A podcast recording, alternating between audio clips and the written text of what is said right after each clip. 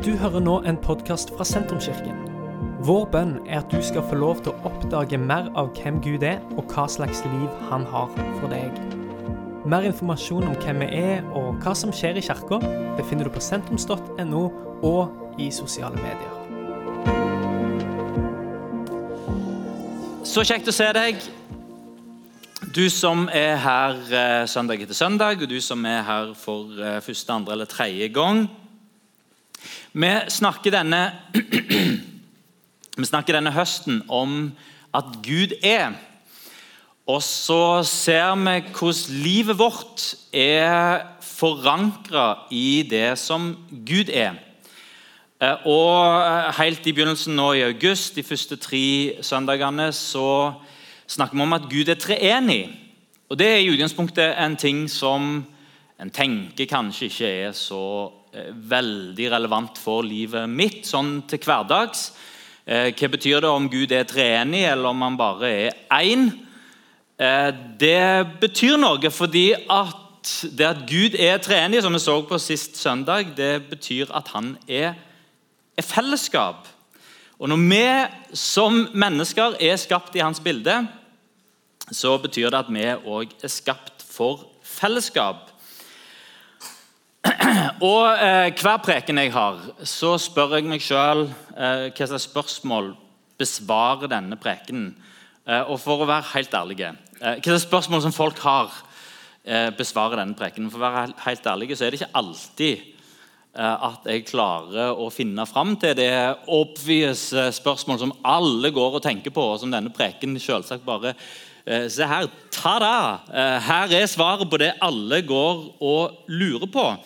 Eh, noen ganger når en preker ut fra Bibelen, så ender en kanskje opp med å løfte fram ting som nesten ingen går og tenker på. Men som det kanskje er lurt at en sier noe om allikevel. Derfor vil jeg oppmuntre deg til når, en, når du lytter til en preken, og selv om det ikke er sånn umiddelbart dette svarer på det som jeg har gått og tenkt på hele denne uka og hele dette året. Det er ikke sikkert det er sånn, men det kan hende at det likevel er lurt eh, å få det med seg. Fordi vi mennesker er først og fremst praktiske. Vi liker å få eh, svar på praktiske, hverdagslige utfordringer. Hvordan gjør jeg dette? La meg ta et eksempel. Eh, når det gjelder en ting som ekteskap, så vil de aller fleste av oss vil, som er gift, eller som tenker på en eller annen gang å bli gift, vil nok først og fremst sette pris på å eh, høre om hvordan lever jeg i et ekteskap, og få svar på hvorfor-spørsmålet. Og Her er det eh, eh, ti gode tips til et bra ekteskap. Da, ja, Enkelt å forholde seg til. Um, så en kan På det ene eh, området kan snakke om hvordan lever en i et ekteskap. En kan også snakke om hvem gifter seg. Hvem kan gifte seg? Eh, og Det er også et spørsmål som er interessant. Ja, De gifter seg altfor tidlig, og, eller de gifter seg altfor seint. Eller ja, de burde ikke gifte seg. Eller, eh, og så kan en ha tanker og meninger om, eh, om, om, det. Hvem som gifter seg. Men det spørsmålet nesten aldri spør seg, det er hva er et ekteskap? Og I Norge så har en gått gjennom å endre på For eh, norsk juss, eh, norsk lov, sier noe om hvem som, gifte, eh, hvem som, kan gifte, seg. Dette fant Vesten og meg ut av. For de som ikke kjenner meg, så er Vesten og kona mi opprinnelig fra Makedonia. Når vi gifta oss i 2004, så var det ganske mange ting som vi måtte Det var ikke, det, var ikke bare rett fram. En måtte fikse ganske mange ting, for det er lover som regulerer hvem som kan gifte seg. Og I Norge så har en endra på loven på hvem som kan gifte seg, uten å være innom en eneste gang som jeg har hørt på eh, noen debatt på TV, i hvert fall, og stille seg sjøl spørsmålet hva er et ekteskap? Og Det er et spørsmål som kanskje ikke er så interessant for så mange. Men når en får det på plass og snakker om det først, når vi er enige om definisjonen, da begynner det å bli mye enklere å snakke om hvem kan gifte seg. Og det er enklere å snakke om hvordan lever en sammen i et ekteskap. Dette var et eksempel. Denne høsten så gjør vi begge disse delene. en sier noe om hvem er Gud.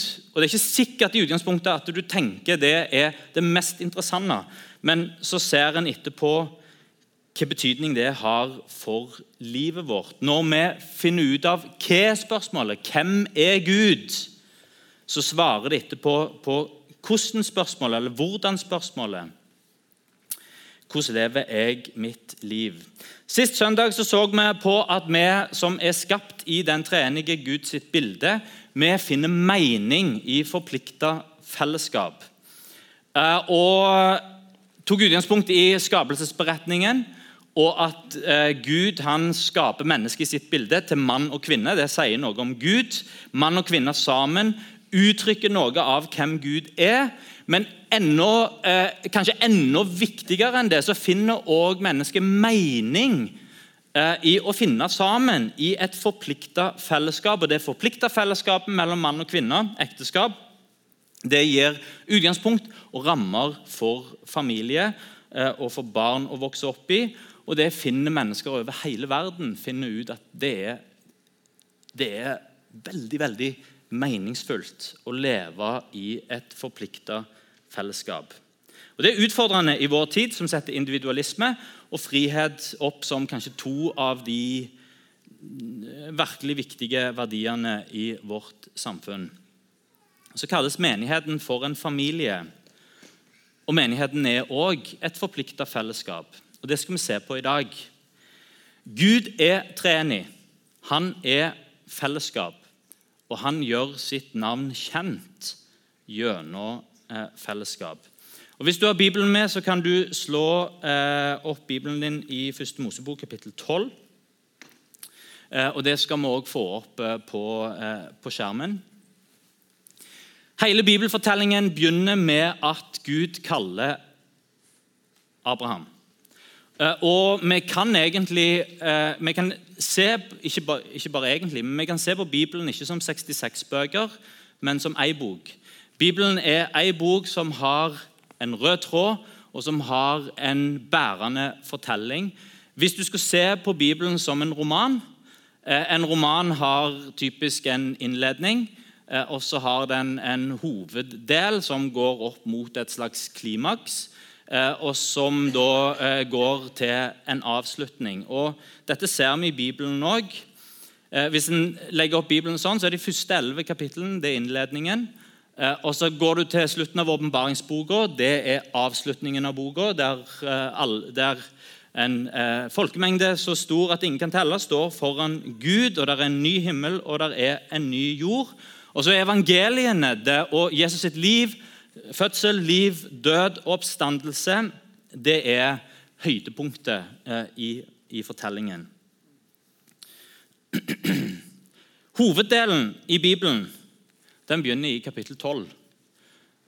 Eh, her begynner på en måte, Det er en innledning som har vært der. Første urhistorien kalles den. Og så I kapittel 12 så, eh, så, så setter på en måte Gud i gang fortellingen og Vi kan lese her fra vers 1. Herren sa til Abraham.: Dra bort fra landet ditt og fra slekten din og fra farshuset ditt til det land som jeg skal vise deg. Jeg vil gjøre deg til et stort folk. Jeg vil velsigne deg og gjøre navnet ditt stort. Du skal bli til velsignelse. Jeg vil velsigne de som velsigner deg, men den som forbanner deg, skal jeg forbanne og i deg skal alle slekter på jorden velsignes. Og Når Gud gjentar dette løftet til Abraham senere, så eh, sier han jo 'se på stjernene eh, på himmelen', 'se på sandkorna på jorda', 'så stor skal din slekt bli'. Eh, og han eh, sier òg, når han når han, eh, den siste setningen der, i, eh, setningen der I deg så skal alle nasjoner, alle folk, til og med alle familier, alle slekter, eh, skal velsignes. Det interessante med historien om Abraham det er at Abraham eh, og kona Sara eh, de fikk ikke barn. Og de ble bare eldre og eldre uten å få barn. Så dette løftet fra Gud Og Det er ofte det som vi hører som prekenen om Abraham. det er Å holde fast på løftet som Gud har gitt deg. Eh, ha tillit til Gud, det som du har sett foran deg. Du kan holde fast ved det i, enkel tillit uten å være naiv. Eh, og holde fast ved drømmen som Gud har gitt deg, og gå på det i tro. Og alt det er sant. Eh, men det er noe større som, som settes i gang her.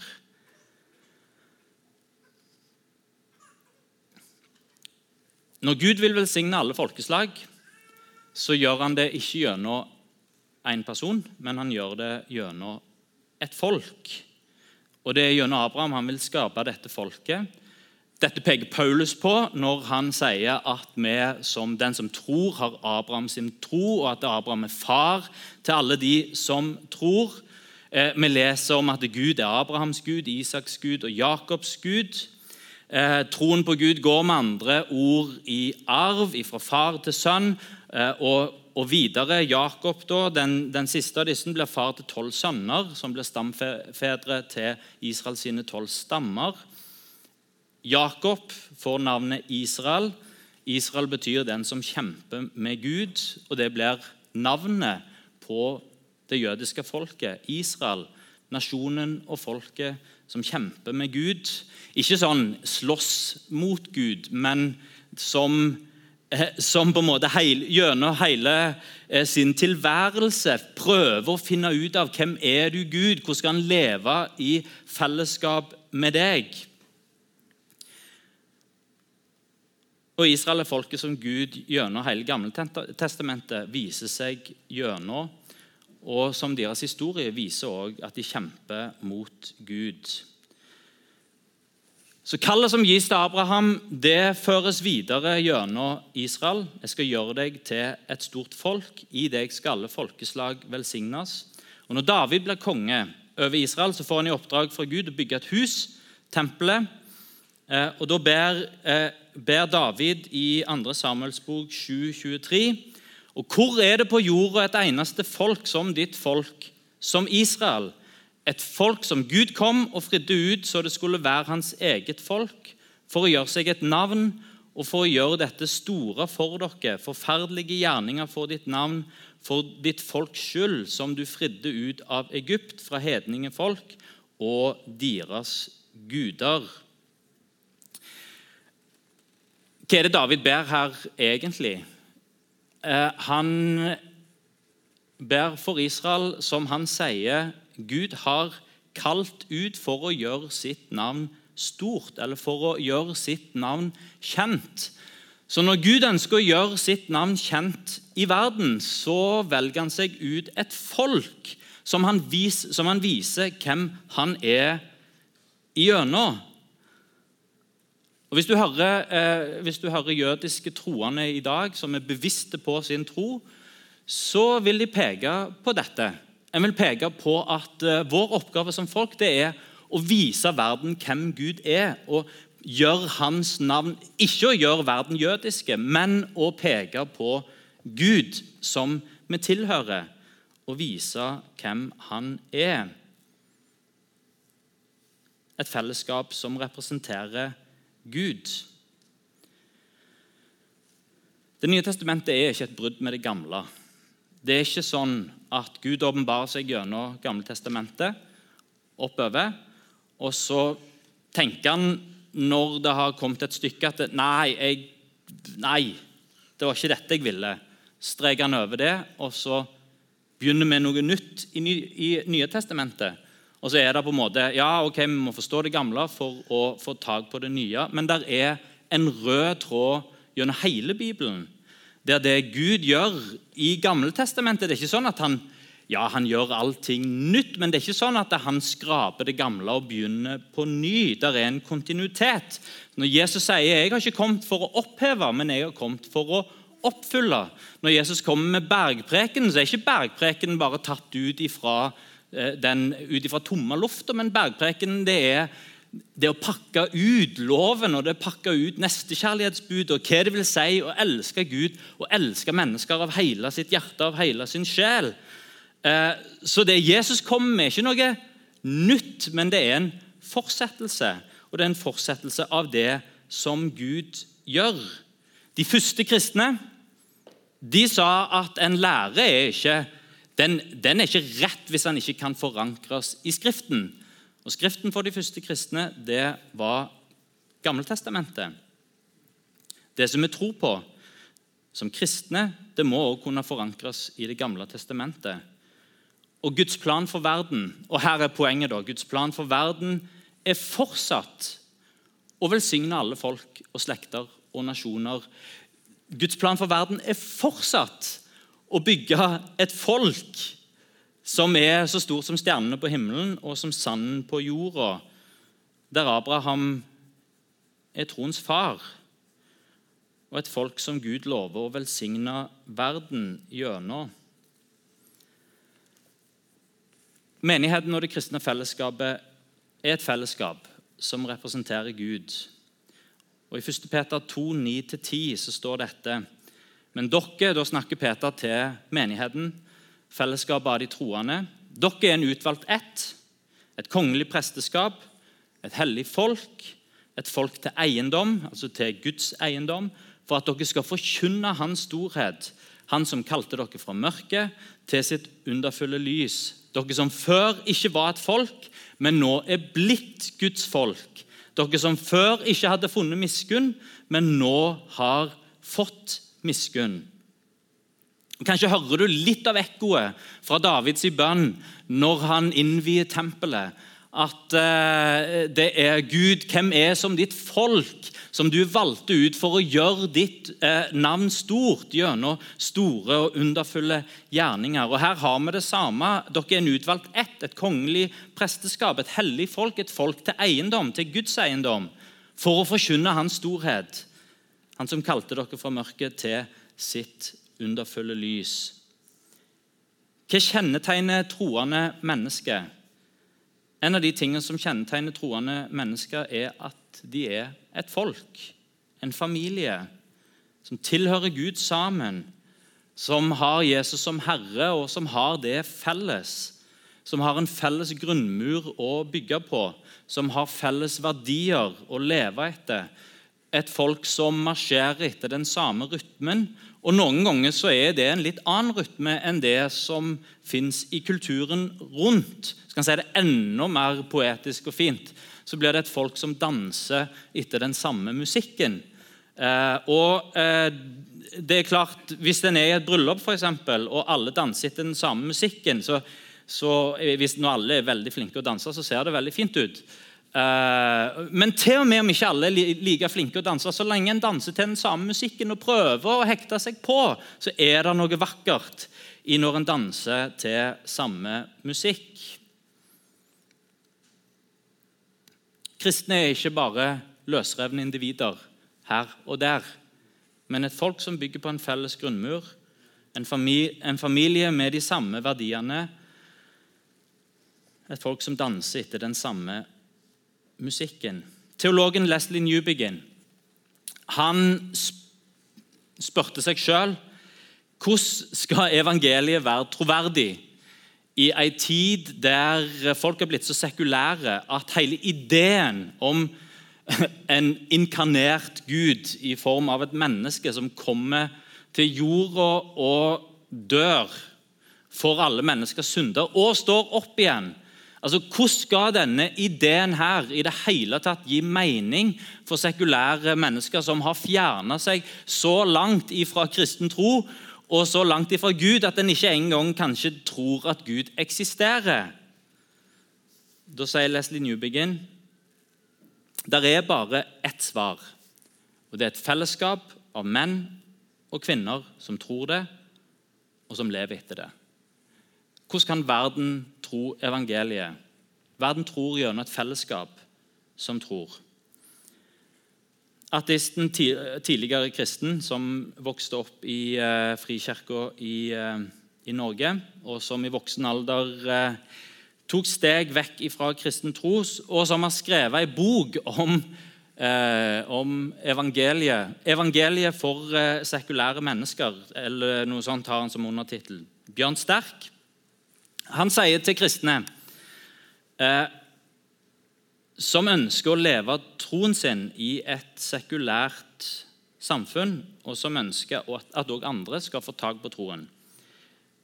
Hans forslag er å gjøre som dette. Har du funnet en tro som vil gjøre mitt liv bedre? Eh, så hvis jeg har funnet en tro som vil gjøre hans liv bedre, vis meg det. Lev sånn sjøl, og la meg se hva det gjør med deg. Ikke tving meg til å leve, meg til å leve sånn. Ikke angrip meg fordi jeg ikke lever som deg. Vær et forbilde, vær en helt. Slå deg sammen med de andre som tror det samme, og vis meg hva det gjør med dere å leve sånn. Syns du verden er råtten? Bygg en sone av godhet rundt deg som vi andre ønsker å leve i. Jeg syns det er så mye fint her. Og jeg syns det gir gjenklang av det som en leser i Bibelen. Vis meg troa di i praksis. Lev sånn sjøl. Vær et forbilde, vær en helt. Demonstrer noe som er annerledes. Slå deg sammen med de andre som tror som deg, og vis meg hva det gjør med dere som fellesskap å leve sånn sammen. Danse til den samme musikken. Syns du at verden er råtten? Istedenfor å snakke om hvor råtten verden er, bygg en sone av godhet sammen med de andre som tror som deg. En sone av godhet som vi andre, sier Bjørn Sterk, ønsker å leve i.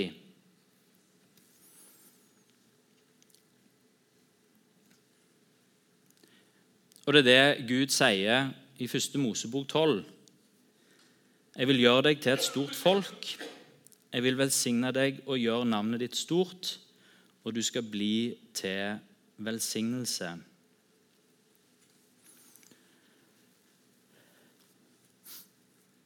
En del av det å sikte på Gud, det er å bli en del av et forpliktende fellesskap.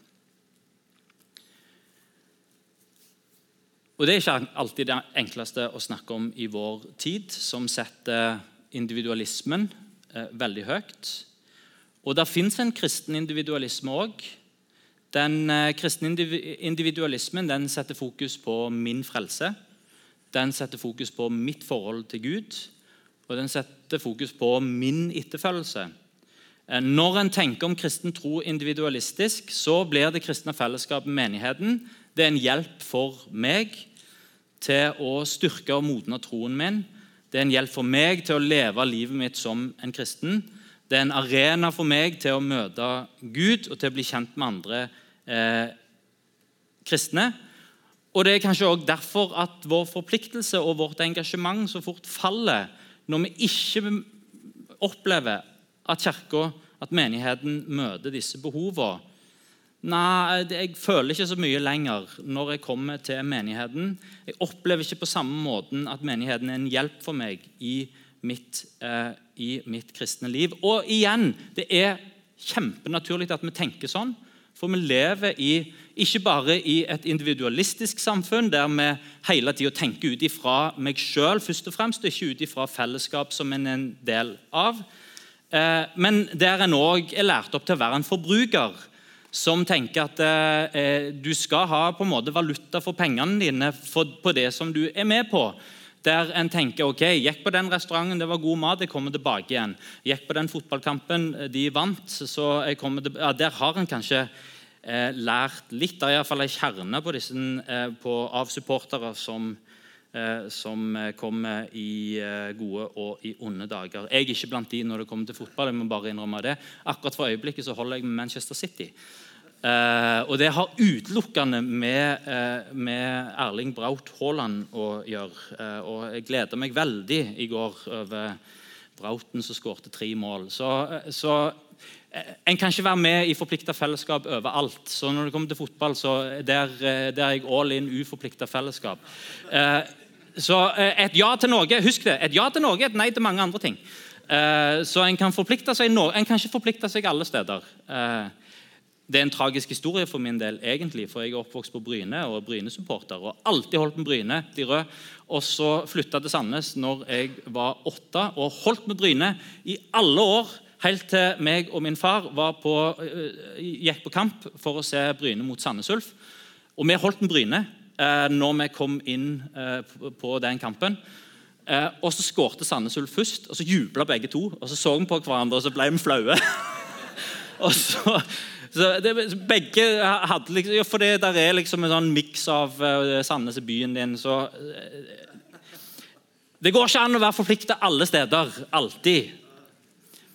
Velg deg hvilken uh, Men det var ikke det som var poenget her. Poenget er at vi tenker som forbrukere og individualistisk. Hvorfor skal jeg forplikte meg på fellesskapet? Jo, fordi jeg får noe igjen sjøl. Det, det er naturlig at vi tenker sånn, men det er faktisk feil svar. Hvorfor gjør jeg det? Fordi Gud gjør mer enn å frelse og berøre individer. Han skaper seg et folk for å gjøre sitt navn stort og for å velsigne alle mennesker. Og Når vi tror, så er vi en del av det som Gud har gjort siden Abraham. Og Gud er et forplikta fellesskap sjøl, og vi finner mening i forplikta fellesskap. Det gjør vi i familien, det gjør vi i gode, tette vennskap. Det gjør vi faktisk òg i, fotball, eh, i fotballklubben. Der det er 15 stykker som sier nei, men jeg kommer på de eh, Jeg snakket med noen her. Fire treninger i uka.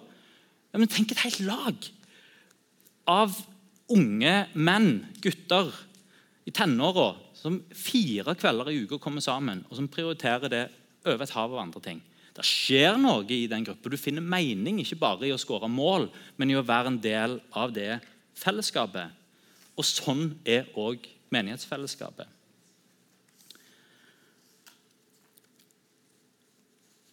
Og Her er mine eh, dette var på en måte teologien. og Her er det praktiske. Og De tar vi, summerer vi opp veldig raskt. Hva gjør du for noe? Nummer én, du prioriterer fellesskapet. Når vet du at du er forplikta på noe? Du vet det når det dukker opp noe kjekkere. Når vet du at du er forplikta? Jo, når du har sagt ja til noe, uten at du nødvendigvis har sagt det høyt til alle. så jeg er med her, Men så dukker det opp noe annet som virker gøyere i det øyeblikket. Når du setter det over andre ting Tenk slags fellesskap vi kan være hvis alle kommer. Hvis du spør meg i valget mellom familiemiddag Da tenker jeg utvida familie. Familiemiddag med, eh, med den beste maten jeg kan tenke meg eller eh, potetstapper og pølser. Ja, det òg er jo fantastisk godt, faktisk. ok, Bare sånn for å ta noe som ikke er liksom øverst Laks, da. Eh, som kanskje ikke er øverst på min liste. Eh, eh, laks til familiemiddagen, men alle kommer. Jeg vet hvor jeg vil være hen. Jeg har lyst til å være på familiemiddagen der alle er til stede. Det er så kjekt når hele familien kommer sammen. Og det skjer noe med det fellesskapet der vi prioriterer. Tenk om alle kom. Tenk om hele Link-gruppa kom når det var Link. Kom sammen, glede seg til å dele nattverd, be sammen, ha fellesskap. Klar til å dele både oppturer og nedturer. Bli oppmuntra og gi oppmuntringer. Hvordan blir en et forplikta fellesskap. En bidrar til fellesskapet. Det er nummer to her. Eh, og En kan bidra med sin tid og sin talent og sin tiende. Eh, og Hvis en ser på tiden først eh, Jeg har ikke hørt dette sjøl, så det kan hende at jeg sier noe at jeg lyver her, men jeg fikk det referert av en veldig troverdig kilde i min helt nærmeste familie, som sa at når Zlatan ble intervjua rett etter han hadde gifta seg, så fikk han spørsmålet hva han ga, hva som var hans gave til eh, kona. Eh, når, liksom, som sånn bryllup, bryllupsgave eller morgengave, er det vel kanskje det heter. Og Da sa Zlatan 'hæ, gave?' Nei, jeg trenger ikke gave. Zlatan er gaven. Og det, det kan en le av, men det er noe sant i det. Og det er er vår, vår gave til fellesskapet. Per Eivind er gaven. Min tid er gaven. En kan gi av sin tid. At den er der. At vi gir tida vår. Og at vi gir tida vår uten ei sånn bakhånd som må fylles opp. Og Livsstilsundersøkelser viser at det er helsegevinst i å prioritere fellesskapet, det kristne fellesskapet. Altså den som, det er ca. med å gå på gudstjeneste cirka som, og Dette har du hørt meg eh, si før hvis du har vært her noen ganger. Eh, å gå på gudstjeneste har ca. samme helsegevinst som å jogge. Du, tilbake, altså du lever omtrent like mye lenger som den tida du bruker på gudstjeneste. Eh, så Hvis du slår sammen alle timene du har gått på gudstjeneste, så cirka så mye sier livsstilsundersøkelser i Norge at så mye lever du lenger. Så den, den der 'jeg har ikke tid til å eh, gå på gudstjeneste', den, den, stemmer ikke. For den tida får du igjen når du er 80, 82, 85, 90 osv. Og Det samme gjelder jo å jogge. Altså der òg får en jo cirka igjen den tida som en eh, sløser eller bruker alt etter hvordan du ser det, på å, jogge. Så det, det er helsegevinst. Eh, men kanskje viktigere enn det en finner mening i det. Vi har alle et talent som vi kan bidra med. Eh, og kanskje, når du bruker tid i et kristen fellesskap og du finner ut hva som irriterer deg, kanskje er det der du skal bruke talentet ditt. Det som igjen og igjen irriterer deg. Eh, ja, men Der har du kanskje noe å bidra med. Og vi kan, vi kan gi inn vår tiende, våre materielle ressurser.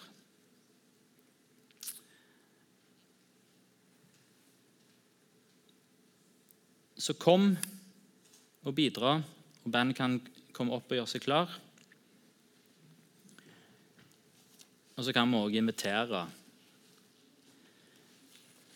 Og Det er mennesker rundt oss som er nysgjerrige på Gud. Kanskje særlig de som er nærmest oss. Familie, venner, kolleger og klassekamerater. Eh, og til og med i en sekularisert tid, der eh, i Norge, hvor folk kanskje går rundt og kanskje ikke engang tenker at en tror på Gud, så er en allikevel nysgjerrig når det dukker opp noen som sier at de tror. Ikke alle er nysgjerrig, men, men alltid noen. Og særlig de som kommer nær innpå en troende. Som Bjørn Sterk sier, 'Vis meg at livet som troende er godt. Kanskje da blir jeg litt nysgjerrig. Skap denne sonen av godhet rundt deg sjøl. Vær et forbilde, vær en helt, og lev en sånn som det. Har en bergpreken som oppskrift for livet sitt og virkelig prøver Ja, men dette vil jeg følge etter. Jeg vil ta Jesus sine ord på alvor, og så vil jeg prøve etterfølge han, hans ord og hans eksempel da er det mennesker som kommer til å være nysgjerrige. Og, og Selv om vi er sekulariserte, og selv om Vesten på mange måter beveger seg vekk fra Gud, så møter han fortsatt mennesker, og han forvandler mennesker sitt liv. Nå Senest hørte jeg et intervju med podkaster Micaela Petersson, som hatt en gjennomgripende frelsesopplevelse.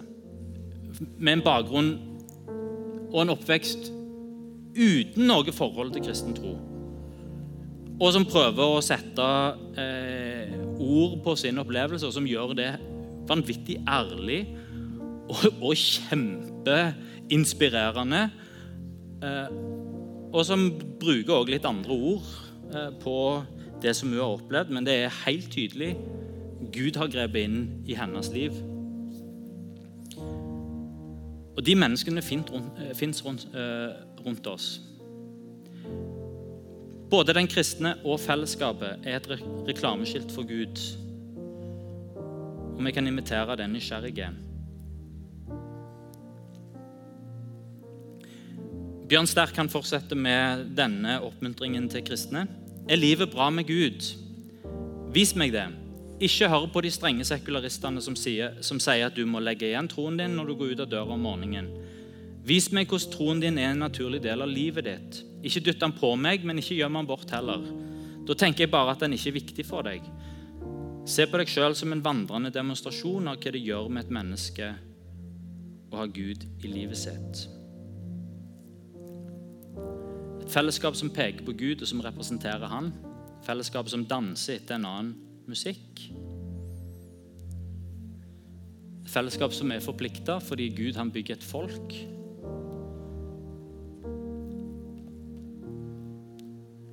Som viser sin forpliktelse gjennom å komme, gjennom å bidra med sin tid, sitt talent og sin tiende. Og som inviterer de som er nysgjerrig med seg. Vi kan ta oss og reise oss.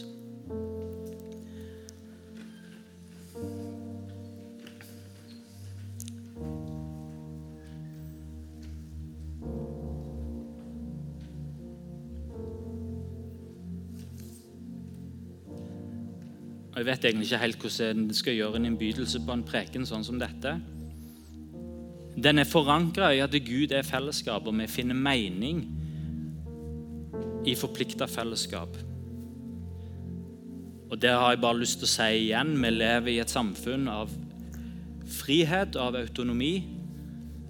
Bli ikke del av et fellesskap som, som tar fra deg autonomien og friheten din. Det skal heller ikke det kristne fellesskapet gjøre. Men det er noe med når vi har frihet, når vi har autonomi, så kan jeg bruke noe av min frihet til å si ja, men jeg forplikter meg.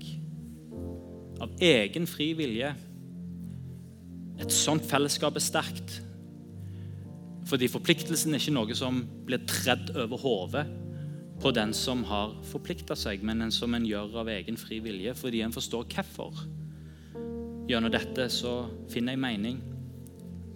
Gjennom dette så får jeg røtter. Og Det er akkurat det som skjer når fellesskap ikke bare blir flyktige. Når relasjoner ikke bare blir flyktige, når en er i et fellesskap over tid. Da får en røtter. Det gjør noe med identiteten vår, med tilhørigheten vår. Og det gir mening. Og det gir hjelp i kriser. Takk, Herre Jesus, at eh, du bygger de kirker. Takk, Gud, at du tar deg ut et folk som du skaper, som du former, som du viser ditt navn gjennom. Ber for menighetene her i Sandnes. Ber Herre Jesus om at vi hver på vår måte skal være med og vise hvem du er i denne byen. Ber for hele din menighet i Norge. Ber om gode fellesskap, Herre, hvor det er godt å være soner av godhet, av kjærlighet. Der kan leve sitt liv i etterfølgelse av deg.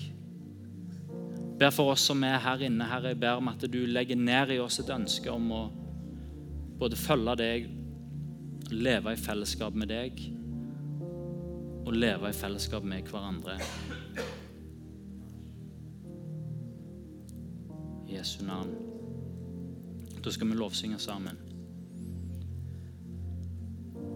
Og til deg som er nysgjerrig på kristen tro, fortsett å komme. Beste plassen å utforske kristen tro på, det er i det kristne fellesskapet. Dette er slutten på denne podkastepisoden. Har du spørsmål om Jesus, om tro, om livet, så er du hjertelig velkommen til å ta kontakt med oss via sentrums.no.